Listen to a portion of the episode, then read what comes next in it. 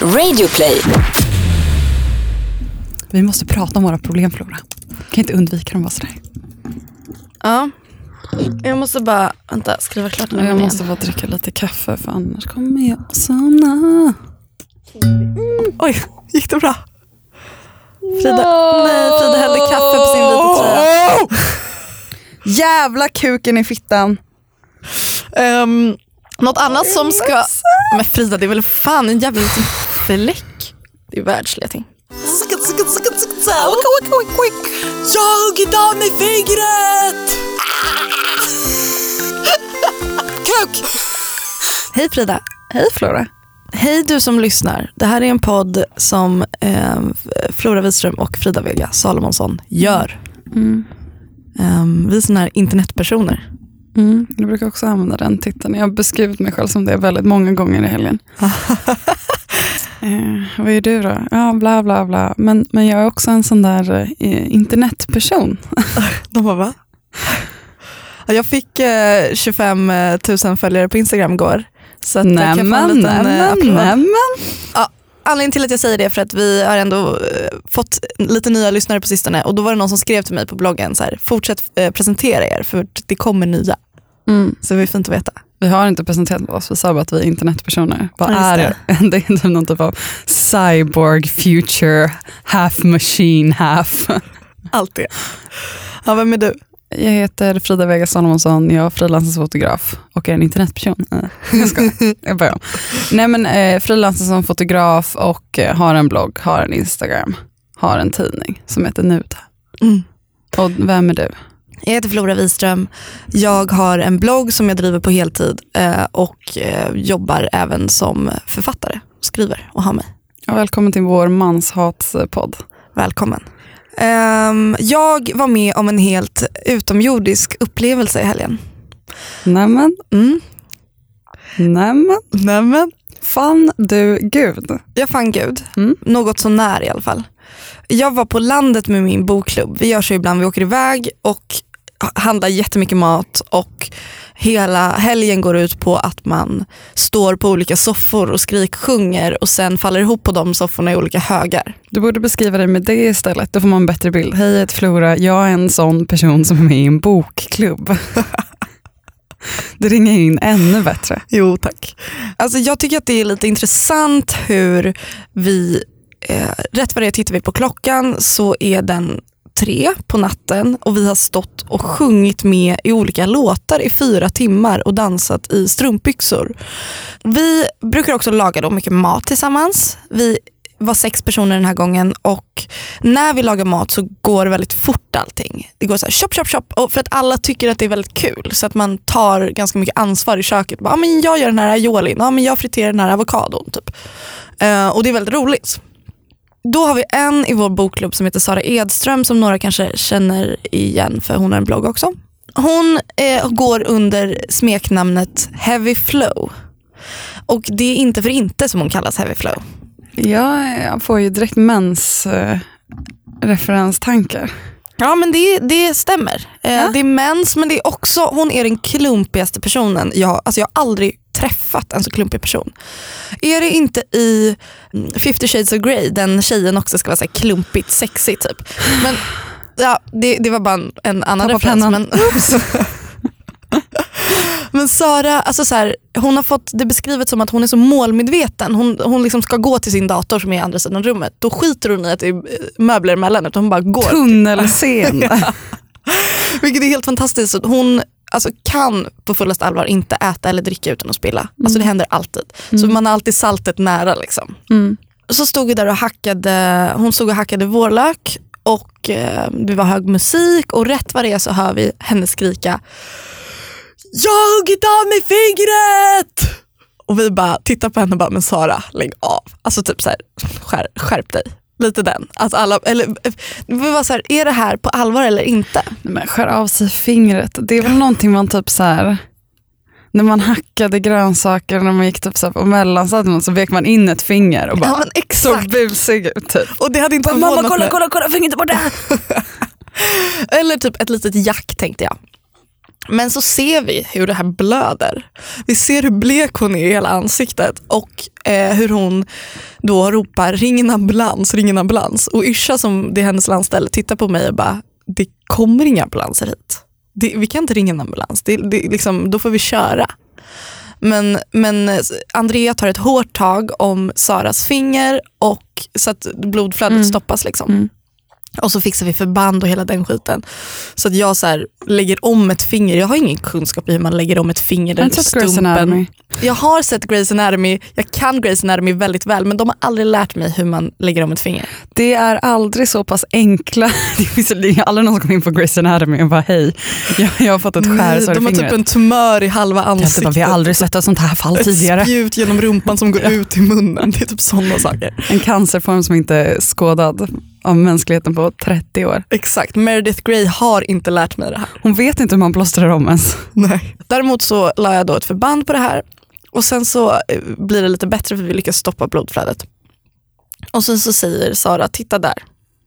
Och så bredvid skärbrädan, bredvid kniven, bredvid de här bitarna vårlök så ser jag en liten, liten beige bit. Går lite närmare, ser att den här lilla beigea biten har en liten nagel Nej. på sig. Och jag ser ju min chans här att ta i en kroppsdel som har avlägsnat sig från sin ägare. Gjorde det. Stod och höll i den. Tog lite bilder också kan vara kul att ha. Eh, den var väldigt, Stod du och höll i Saras fingertopp? ja, men den var väldigt liten. Alltså, den hade Det var inte att hela nageln var av? Nej, nej, nej. nej. Alltså, det var, ju, alltså, det var, mm, Alltså, det den var var typ topp. liten som en, som en eh, apelsinkärna. Men den, var, den hade ändå liksom Mm. hård hud och nagel på sig. Var, eh, var det nagellack på dagen? Tyvärr inte. Hon hade inte någon cool nail art. Jag tänker att det hade gjort att det hade känts ännu mer verkligt om Ja. det hade varit liksom rött eh, nagellack på själva nageln. Ja, verkligen. Eh, Yrsa och Louise var tvungna att gå in i andra rummet och sätta fötterna så här i golvet för att de fick så mycket svindel. Liksom. Mm. Medan jag stod där och bara, oh, kul, kolla jag håller en fingertopp. Flora, skön kompis. Har du åkt ambulans någon gång? Nej, det har jag inte. Har du? Ja, jag åkte ambulans från där jag bodde när jag var liten i Östervåla som är liksom också en liten ort där det inte kommer ambulans jättefort heller. Så mina föräldrar var tvungna att köra bilen för att liksom möta ambulansen för att vi bodde, bodde ute i skogen. Eh, när jag var liten så åt jag eh, var också väldigt me- målmedveten i mitt ätande. Jag gillar inte riktigt det här med att tugga. Nej, Det tog väldigt lång tid. Jag gillar fortfarande inte att tugga. Nej, jag gillar inte heller att Det tugga. ska bara vara. Man vill liksom bara som en orm. Typ. med det. Bara haka av käkarna och bara trycka in. Eh, och jag försökte, eh, gillade pannkakor väldigt mycket, så jag åt väldigt mycket pannkakor och jag tuggade inte. Eh, så att jag blev förstoppad Kan man ens bli förstoppad av pannkakor? Uppenbarligen. Eh, fick jätteont i magen, blev hämtad med ambulans. Kom ihåg att jag fick en eh, uppstoppad kanin som hette Ambi, ambulansharen. Och sen att man fick äta fett mycket cornflakes inne på sjukhuset. Kunde din kanin som du då kaninhoppade Mm. hänga med den här ambi sen? Eh, det här var ju innan min kaninhoppartid. Du måste förstå att min kaninhoppartid är mycket senare än vi alla vill erkänna att den var.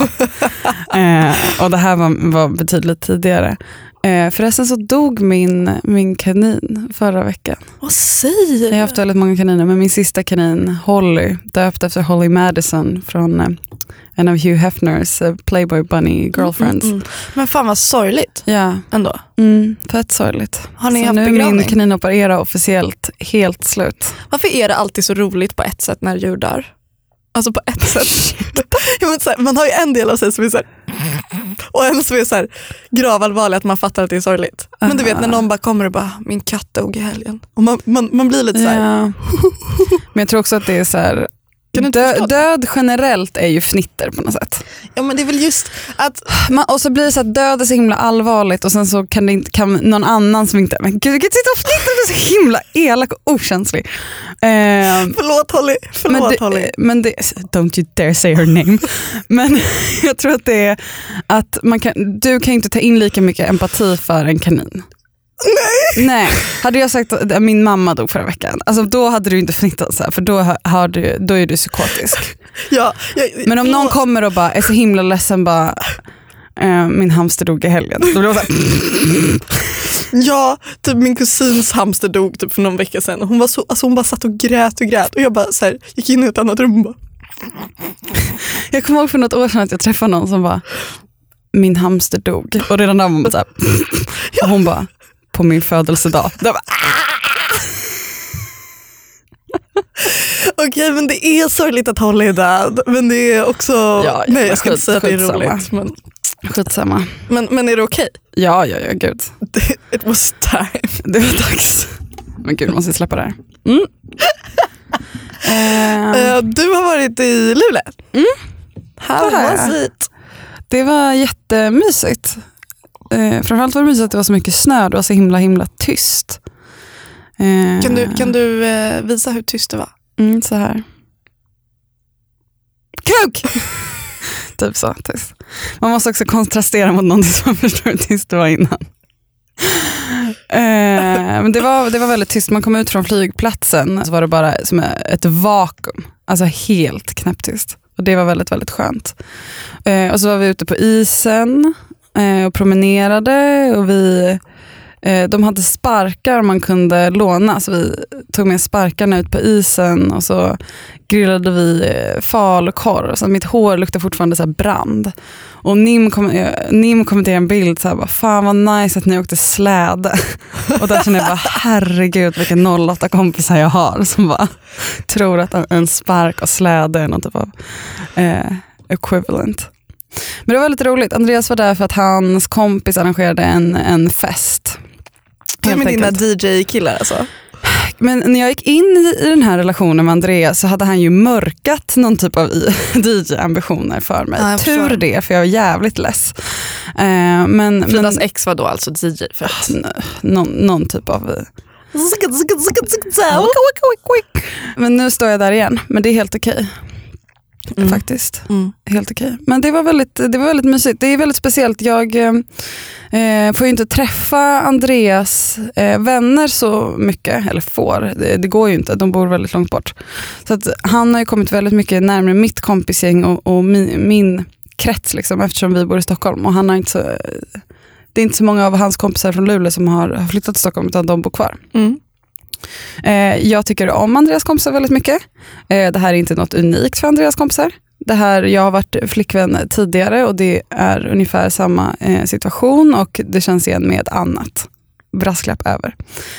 Men jag tror att man märker ganska stor skillnad i hur killgäng och tjejgäng hanterar att en, an, en annan person kommer in i gruppen av det andra könet Mhm när vi är ett stort tjejgäng, eller eh, mina kompisar och eh, eh, en manlig partner till någon eh, kommer in i det här umgänget, Mm. eh, så ges den personen automatiskt väldigt mycket plats. Mm. Alla blir väldigt engagerade i att eh, vilja lära känna den här personen, eh, få den att öppna sig, ställer väldigt mycket frågor. Eh, vad gör du? Var kommer du ifrån? Vad tycker du om att göra? Vad är din favoritfärg? Vad är ditt favoritdjur? Eh, men Kaninen typ. Holly. Eh, precis, eh, svart kanin. Och eh, Andreas kompisar eh, hatade mig och ville inte att jag skulle känna mig eh, välkommen. Skoja. Men, men de, Um, gud det blir så personligt nu. Vi, vi tar bort att det inte handlar om Andreas kompisar för det här handlar inte om dem egentligen. Uh, men, men jag tror att killar i lägre utsträckning uh, engagerar sig lika mycket i att få, eller att, i att få uh, samtal att, att flyta. Eh, om, man, eh, om vi är en tjejgrupp och en kille kommer med och sätter sig i soffan, då kanske man inte tittar på eh, sminktutorials eh, resten av kvällen. Eh, utan man kanske bjuder in och öppnar upp till samtal som gäller alla. Medan om man är som tjej och kommer in i ett eh, killgrupp kan är mycket möjligt att eh, eh, Fifa-spelandet pågår trots det eh, hela kvällen och man är en bisittare på första parkett. Just det. Man ska känna sig lite, mm, man är där på nåder lite på ett annat sätt. Eh, inte på nåde, jag tror, jag tror att alla kanske säkert tycker att det är jättetrevligt att man är med och tittar på när det spelas Fifa. Men jag tror inte alla tar in på samma sätt att så här, ah, hur, hur upplever hon den här situationen? Hur Nej, ehm, Och vi fostras ju in som tjejer in i det här omhändertagande. Så vi har ju det i ryggraden liksom, från att vi föds. Att vi hela tiden ska så här, tillgodose andras behov lite för oss, våra egna också. Mm. På ett annat sätt än killar eh, som väldigt bekvämt och kan luta sig tillbaka. Absolut. Ehm, och det är väl det också att, och, och det där kan man ju, det där har ju delvis med kön att göra ehm, och genus. Men sen så finns det också, alltså, rent personlighetsmässigt så finns det ju också de grupper man kommer in i där man märker att folk så här, inte pallar med att man kommer ny utan typ ryggar en. Så att Mm. man bara, det blir väldigt tydligt att så här, okay, den här personen orkar liksom inte Mm. eh, go the extra mile. Mm. så här, vända sig om och bara, men hej, vad, vem känner du här? Ehm, men skulle du säga Frida att du i sådana situationer är en person som liksom lyfter fram den nya, det nya tillskottet? Typ? Nej men det är väl ingen medalj jag kan claima heller. Jag är generellt ganska ointresserad av personer. Men jag, eh, jag tror att det beror på lite situation. Mm. Och, men men ehm, nej, alltså jag är heller inte den som så här, tar jättemycket socialt ansvar på samma sätt som du kanske gör. Utan jag kan verkligen känna att jag inte orkar och så sitter jag med mobilen. Mm. Ja, men jag har nog en liten off-on-knapp när det kommer till Ja. det.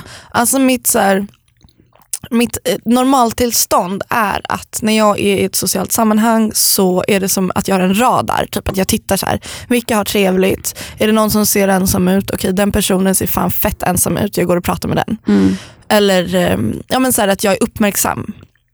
Sen har jag en off-knapp och det har jag liksom i självbevarelsedrift. För att ibland känner jag också så här, men fan det är inte upp till mig att alla här har det bra. Utan det är verkligen så här, alla som är i ett socialt sammanhang Mm. måste bidra på Mm. ett eller annat sätt. Men socialt ansvar eller emotionellt ansvar är ju två enorma eh, kvinnofällor och duktig flicka-fällor. Oh ja. Att hela tiden ta på sig och känna in andras välmående och deras behov.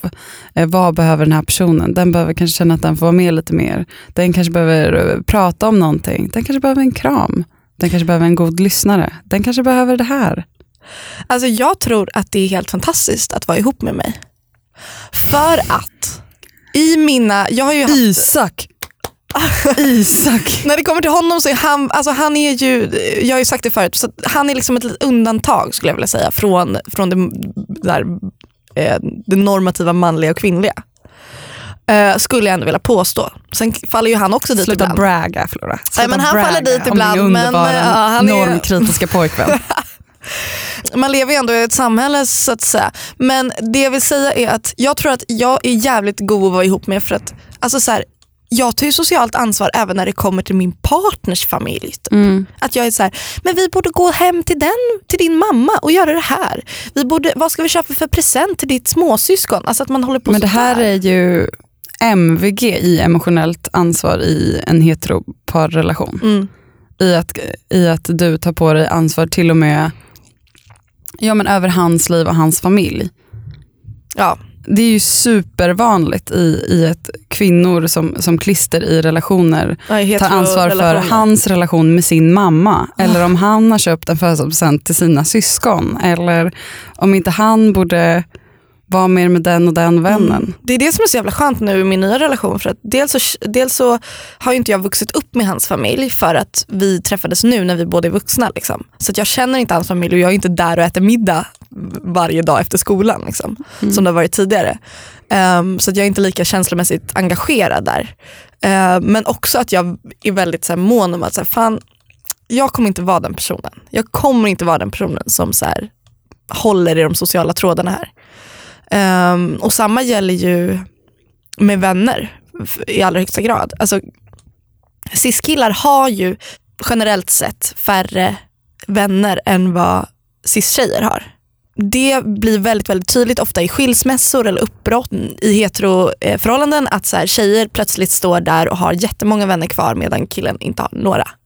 Och då, det är då det blir väldigt tydligt att så här, man har varit spindeln i nätet och sett till att man går på trevliga middagar och att man, men ska inte du träffa din barndomskompis Oscar idag? För det var ju länge sedan du träffade honom, ska du inte ringa honom? Att man nästan är på den nivån. Liksom. Och det ger mig kväll, kväljande känslor. Mm. Ja, jag tänker att man, man kan ju prata om två olika saker. Antingen kan man ju prata om bara eh, generellt kring socialt ansvar. Där du är en person som jag vet tar väldigt, väldigt mycket socialt ansvar. Mm. Och jag är en person som eh, tar socialt ansvar när jag känner att jag orkar. Ja. Och också att du, jag tror är mer kanske präglad av eh, någon typ av duktig flicka, vill leva upp till vissa saker. Ja. Och det är på någon typ av individnivå. Eh, men sen så finns det ju också eh, det emotionella ansvaret på en mer eh, strukturell nivå i då relationer som vi också är inne på. Och det är ju två kanske lite olika saker, även om Mm. båda grundar sig i en kvinnoroll Mm. som från början så tidigt som bara man kan få hålla i en Barbie-docka handlar om att träna upp. För det handlar ju också, det är också eh, ehm, att vara lyhörd för, för andra personer och andras behov är ju någonting man behöver träna på. Att vara, att vara inkännande, att läsa av olika sociala situationer, lära sig läsa av vad olika personer behöver. Eh, och om man då väldigt tidigt eh, tränas i eller känner att det är någonting som förväntas av en. Det är hela tiden lek lekar när man var yngre, mamma, pappa, barn och så är det någon som gör illa sig och ska man hämta plåster och man lär sig blåsa på såret och man ska, nu är dockan ledsen. Nu ska vi skaka, nu ska Mm. vi se till att den inte är ledsen. Att hela tiden vara så här service minded Mm. och, och träna upp de typer av omvårdande egenskaper på ett sätt som killar inte uppmuntras till eller behöver öva på i, i samma utsträckning så pass tidigt. Det som är så viktigt med feminism är ju att det blir ett sorts verktyg att kunna lära sig att identifiera varför saker känns jobbigt. Eh, och att man ibland kan befinna sig i en situation eller någon säger någonting som känns jobbigt, det gör lite ont i magen kanske eller man blir lite så här, hmm. fast man kan inte riktigt, man kanske inte har vokabuläret att, eh, för att kunna förklara varför det känns lite jobbigt. Just det. Man, man har varit på en, man har suttit på soffans armstöd och tittat på Fifa och går hem därifrån och känner sig lite ledsen. Men man Jag känner sig lite trött bara för att ingen har visat eh, intresse. Ja. Eller att man kanske är på femte Tinder-dejten eh, som man håller igång samtalet och ställer 15 miljoner frågor om hans liv och hans framtid och vad han vill och bekräftar honom på olika sätt. Han kanske drar något lame skämt, man kanske skrattar. Men sen så känner man sig fett trött när man går därifrån och helt utsugen på energi för att den här personen man har eh, träffat inte har ställt en enda fråga om, om vad man själv gör eller vad man tycker är roligt. Just det. Den Eller personen går därifrån och bara, gud vilken härlig person för att den personen känner sig så himla sedd. Exakt. Medan man själv känner, vem är du? Exakt, och, då, och därför kan det då vara viktigt att, att liksom sätta det här i sammanhang och inte bara prata om individnivå. Nej just det. För det är ju också orimligt att alla tio Tinder-killar man är eh, på dejt med ska vara på det här sättet. För att han är sån. He can't do anything about it. Um, alltså man måste sant. också se på liksom ett mer övergripande. Och jag ser det här i tusen situationer där, där killar inte ställer frågor, där killar inte orkar ta socialt ansvar och där tjejer hela tiden leder samtalet framåt, de smörjer sociala situationer på olika sätt, tjejer som skrattar åt killars skämt och i längden så skapar det ett så himla självförtroende hos killar på olika sätt. Till exempel alltså humoristiskt självförtroende eller självförtroende i att ta plats grundas ju också väldigt tidigt i till exempel klassrum. Mm. Att en kille som showar off eh, ges plats. Det skrattas åt honom. Han blir bekräftad i att han är en rolig person som förtjänar att, eh, att avbryta eller prata utan att räcka upp handen eller liksom att vägar Mm. bara öppnas. Gud, jag har så många tillfällen där jag i mitt kompisgäng på gymnasiet, vi satt vid mat, eh, i matsalen och grabbarna har någon så här jargong där de så spinner vidare på varandras skämt och sen när man själv lägger in en liknande Mm. kommentar så, Så, blir det tyst. Mm. Och det är inte för att jag är tråkigare utan det är för att det blir så här, det värderas inte alls på samma sätt. Nej. Hur, hur ska du då kunna få liksom, möjlighet att, eh, och få plats att testa dig själv som liksom, en humoristisk person eller en komisk person och kunna få den självbilden om ingen någonsin, alltså om det ska vara så mycket svårare för dig. Just det, för då blir det en att ängslighet kring det. precis. Hur rolig är man när man är ängslig? Och man, är inte, man blir inte mer än, än sitt sammanhang. Det är helt omöjligt för dig att identifiera dig som en, en rolig och härlig person om du är i en grupp där ingen eh, skrattar åt dina skämt. Det. Inte nödvändigtvis för att du inte är rolig utan för att de inte orkar artighetsskratta. Typ. Mm. Medan det som tjej, så, eller jag kommer på mig själv med att artighetsskratta åt snubbar Mm. för ofta. Ja, alltså jag med. Jag var på det absurdaste portfoliomötet för, för någon vecka sedan. Vad är ett portfoliomöte? Men jag eh, drog dit med eh, en agent jag jobbar med från Acne och då eh, skulle man visa upp, det var något eh, stort eh, företag som jobbar med så identiteter och bla bla bla. De skräddarsyr eh, identiteter för företag. Oh, du ska byta logga eller oh, du ska göra det här. Eh, och då eh, kom man dit och så hade nog eh, hon från Ak eller en av mina agenter från Acne missförstått kanske lite vad det var för typ av portfolios de ville titta på. Det kanske främst egentligen var eh, saker som eh, eh, mer kanske designrelaterat mer än fotorelaterat. Även om det jag gör också är absolut eh, relevant. Och så bara träffade jag några killar där som man skulle lite presentera för. Mm. Men i att man säger, jag bara, ja det här eh, gör jag, jag är fotograf, de här bilderna har jag tagit. ehm, eh, ja, vad gör du då? Eh, ja, eh, mest så är, skulle man väl kunna säga att det är, är mode. Vi jobbar inte med mode. Eh, nej, men eh, det är väl inte bara mode utan mer ett sätt att ringa in att jag kanske fotar mycket eh, personer. Ja. Eh, ja, eh, okej, eh, då kanske vi kan kolla på den här grejen. Tystnad. Eh, ja. Alltså att man liksom, eh, man, ehm, Fångar inte upp. uppförsbacke. En enda lång eh, uppförsbacke. Så märkligt att hamna i en situation där man känner att den här personen anstränger sig inte det minsta i att det här samtalet ska flyta. Nej. Och jag har ju liksom varit tvungen att ta till som medel när jag har varit på Tinder-dejter. Nu kanske du ska ställa en fråga till mig. Alltså att jag på fullast allvar har sagt så för Och jag hur så jävla mycket- trött. Ja, men hur mycket smörjer du inte samtalet där? Ja. Att du till och med hjälper honom i den här sociala situationen där han inte lyckas imponera Mm. på dig. Att så här, eh, eh, tips, eh, nu kanske du, för att skapa bättre stämning eh, för oss båda, framförallt för dig själv om du vill, eh, så kanske du kan ställa en fråga till mig. Men alltså för mig blir det här helt overkligt att folk inte fattar den grejen. För att vem som helst fattar väl att det, att det är så också man, man får ett mer naturligt samtal för att det inte blir så här hattigt och stelt utan man kan då förflytta fokus från sig själv till den andra genom att ställa en fråga. Alltså att det är en ganska skön, tillfredsställande känsla också. Att så här, om man är nervös till exempel. Men jag fattar ju också att det kommer ju mer eller mindre naturligt för olika människor och man är mer eller mindre bekväm i sociala sammanhang, man kan vara introvert, man kan vara extrovert.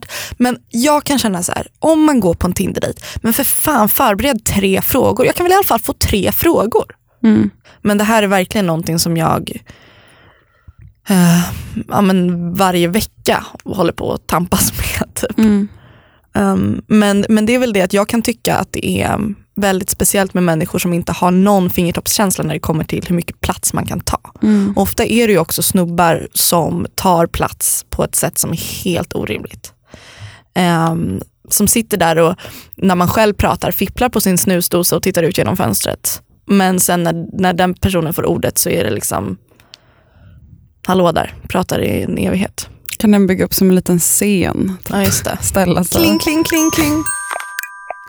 Eh, emotionellt ansvar kan även handla om att känna ansvar i, i att reda ut någon typ av ehm, eh, dispyt eller eh, bråk man har haft. Ja, alltså, Alltså om man bråkar om någonting på morgonen eh, eller har något litet halvbråk på morgonen eh, så kanske så tror jag inte att det är helt ovanligt att, att man som kille bara ja, ja nu bråkar vi om det, nu gick vi vidare, nu lever jag mitt liv. Medan tjejen i sin tur kanske ägnar hela dagen sen åt att reda ut det. Och sen finns det också någonting eh, vi kan kalla väninnekören mm, eh, tjejers, eh, tjejers eh, eh, tjejsnack och skvaller med väninnorna handlar ju också mycket om emotionellt ansvar. Det är dit man går för att ventilera saker. Mm.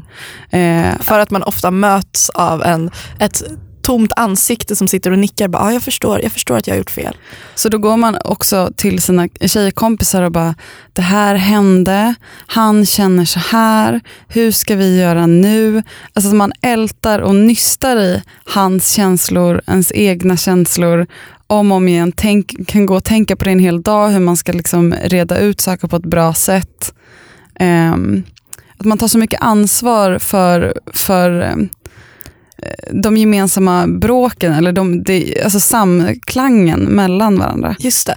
Jag har hört flera personer som har kommit, tjejer som har kommit till sin eh, manliga partner och, och sagt så här, du jag tror faktiskt att, eller så här, jag tror inte det här funkar. Jag tror att vi, jag tror fan att vi måste göra slut. PGA Mm. det här och det här och det här.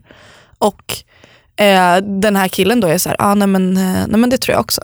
Som att den personen också har tänkt på det men inte vågat Mm. heller eh, stå rakryggad Mm. och konfrontera utan så här, väntat på att den andra ska så här, komma och bara gå, efter dagar av ångest bara, Mm.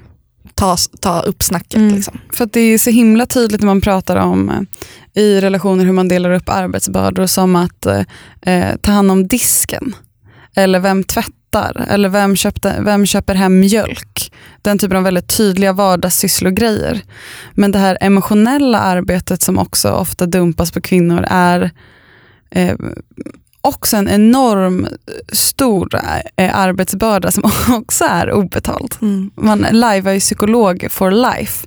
Där inför- kan, ja, jag kan tänka mig att det blir ännu värre om man skaffar barn sen också. Och liksom Men vi, jag vill inte ens gå in nej, nej, det på det steget inte. bland mammor och sköna pappor med barn liksom, som är så down with the kid som bara glider Helgpappa. in och, och bakar med alla medan mammorna bara "Ä- ä- ät broccoli se till att barnens typ så här, Det är exakt överlever. så jag är med mina småsyskon. Jag är verkligen helgpappa. Jag kommer dit och bara, nej du behöver inte borsta tänderna. Eh, Ja, du kan få äta glass. florafarsan.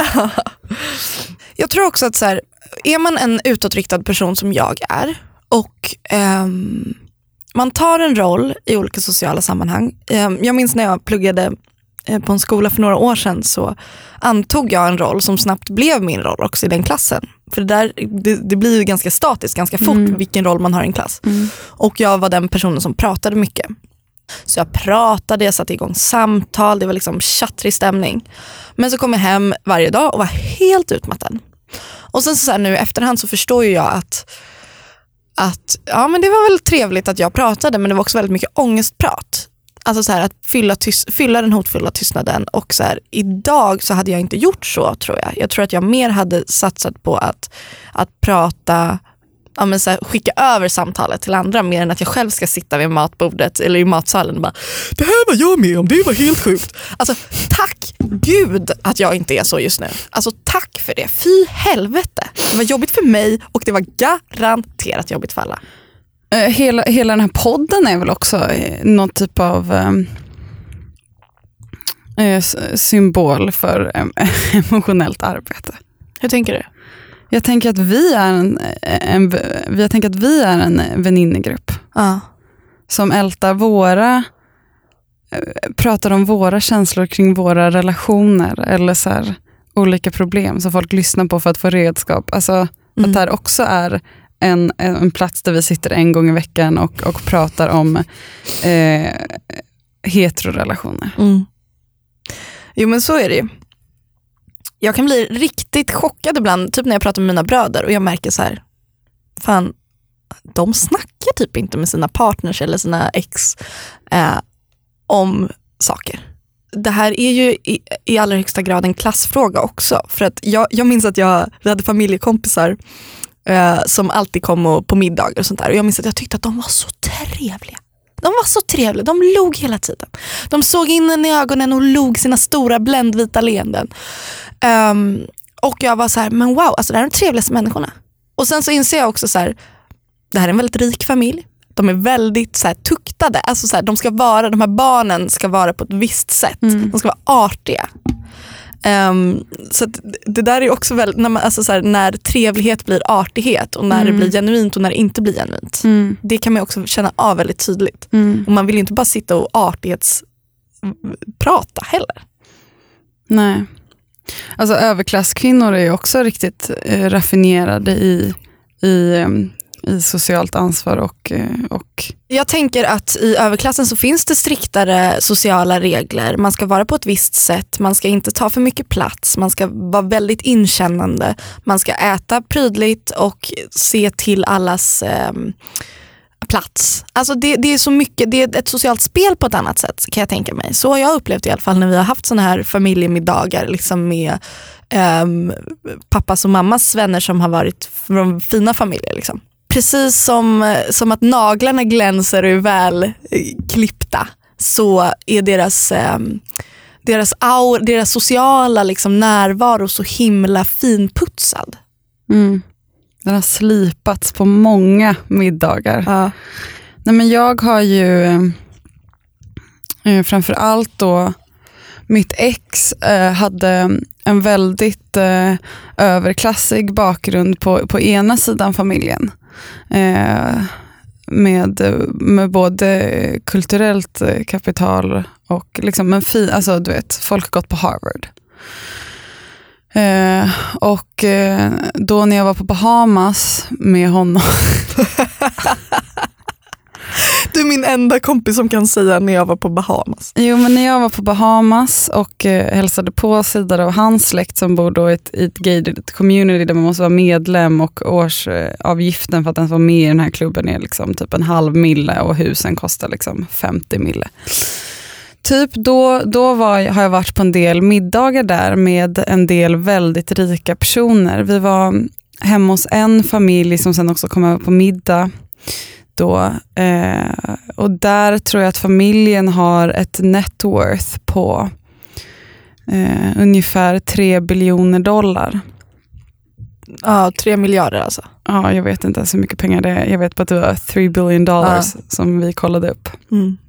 Och har liksom egna bås på op operan i olika eh, storstäder. Som man har. Eh, jävligt trevlig middag. Ja, just det. Ja, men det kan jag tänka mig. Förutom att vi hade en fallgrupp. När, bara, när Matthew bara, ah, jag håller nu på med min eh, master juridik, bla bla bla bla bla. Pengar, pengar, pengar. Och så bara, ah, Frida, vad är du? Eh, vad pluggar du? Eh, jag pluggar inte. Ser att där försvann min plats vid bordet. Men Matthew lägger till, hon är fotograf. Och då gnistrar det till i deras ögon igen. För att eh, överklassen också älskar kreativa personer. Som kan liksom röra sig som hovnarrar runt om och bara underhålla med sin magiska... Den här stolen som föll rakt ner i avgrunden hissades upp alltså. Ja, ja, det finns bara en utväg i, inom någon typ av överklass att inte vara bildad och det är om man är eh, Konstnär. konstnär på något Just sätt. Mm. Det kan, det det kan vi ta med oss. Ja, det kan- ni ta med er och, lära er av. Ehm, Är det något mer du vill tillägga? eh, jag kan jättekort säga att patriarkatet har stulit min adlighet. Hur menar du då? Har du ens haft en adlighet? Tydligen. Jag Pratar du om prinsessan Weenie nu? Nej. Nej. Utan nämligen att mamma berättade häromdagen att min morfars farmor var eh, född Didron. Jag trodde du skulle säga DJ. Eh, men att det är ju så att adlighet bara ärvs genom söner. Ja just det. Mm. Eh, och att jag blev lite ledsen för det hade känts jävligt nice. Mm, det hade varit fint på ditt CV. Mm. Hade gnistrat i kapp med dina ögon. Ja, Mm. och då kom jag också på vad jag skulle kräva eh, som adlig förutsatt att adlighet innebär pengar, vilket det inte längre gör, utan Riddarhuset är bara som en så här frivillig organisation som vilken annan hembygdsgård som helst. Vadå? Jag såg Martin Timell.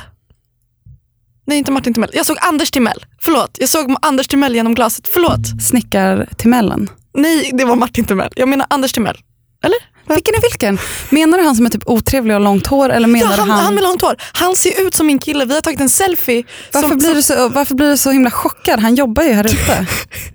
därför Jag, blev trodde att det var snickartimellen som gick förbi. Vad heter han då? Då hade jag blivit till äntligen, äntligen hemma. Martin heter Martin. Förlåt, det var inte meningen att avbryta dig. Men jag såg honom och det är liksom ett väldigt stort skämt i mitt liv att han existerar för att han ser ut som, han ser ut som min kille medan jag ser ut som Hur ska vi Gry. någonsin kunna bli inbjudna till deras radiomorgonshow om vi, Vi kommer bli inbjudna för att jag ser ut som Gry och min kille ser ut som Anders.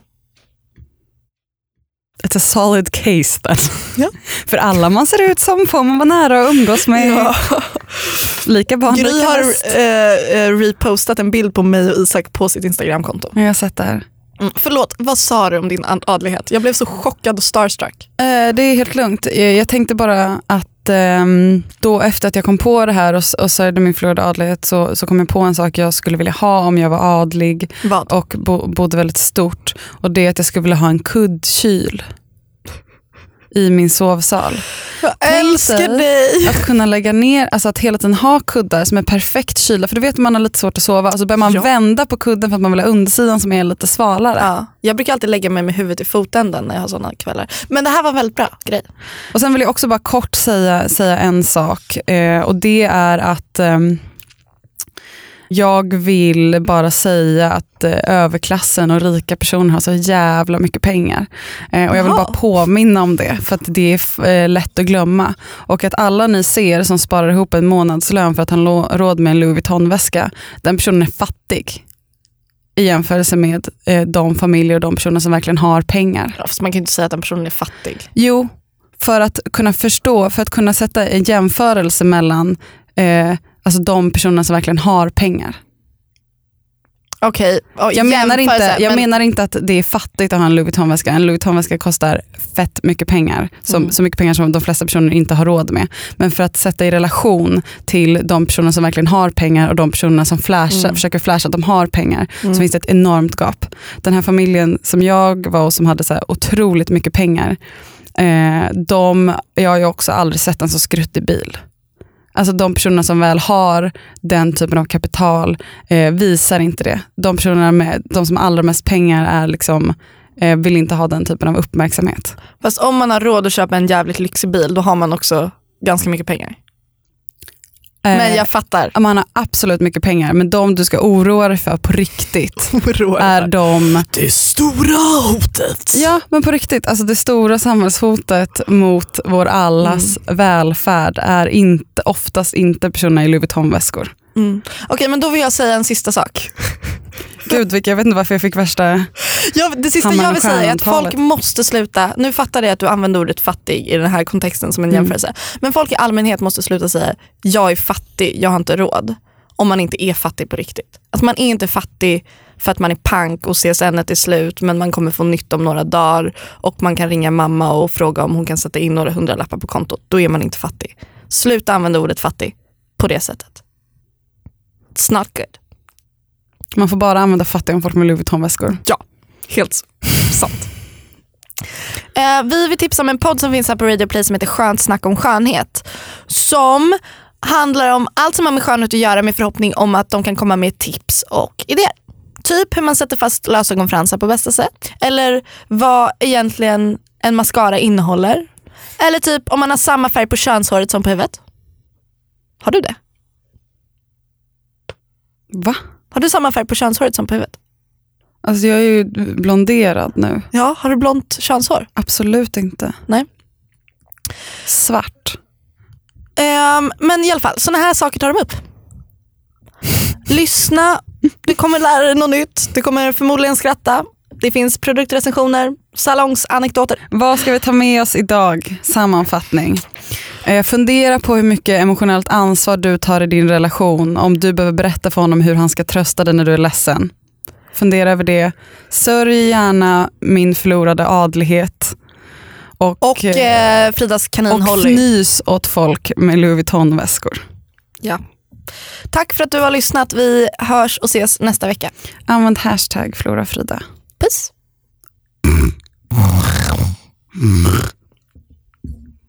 Måste vara sist med mitt grisläte grislät också. Poddtips från Podplay. I podden Något Kaiko garanterar östgötarna Brutti och jag, Davva, dig en stor dos skratt. Där följer jag pladask för köttätandet igen. Man är lite som en jävla vampyr. Man har fått lite blodsmak och då måste man ha mer. Udda spaningar, fängslande anekdoter och en och annan arg rant. Jag måste ha mitt kaffe på morgonen för annars är jag ingen trevlig människa. Då är du ingen trevlig människa, punkt. Något Kaiko, hör du på Podplay. Därför arkadeinerna.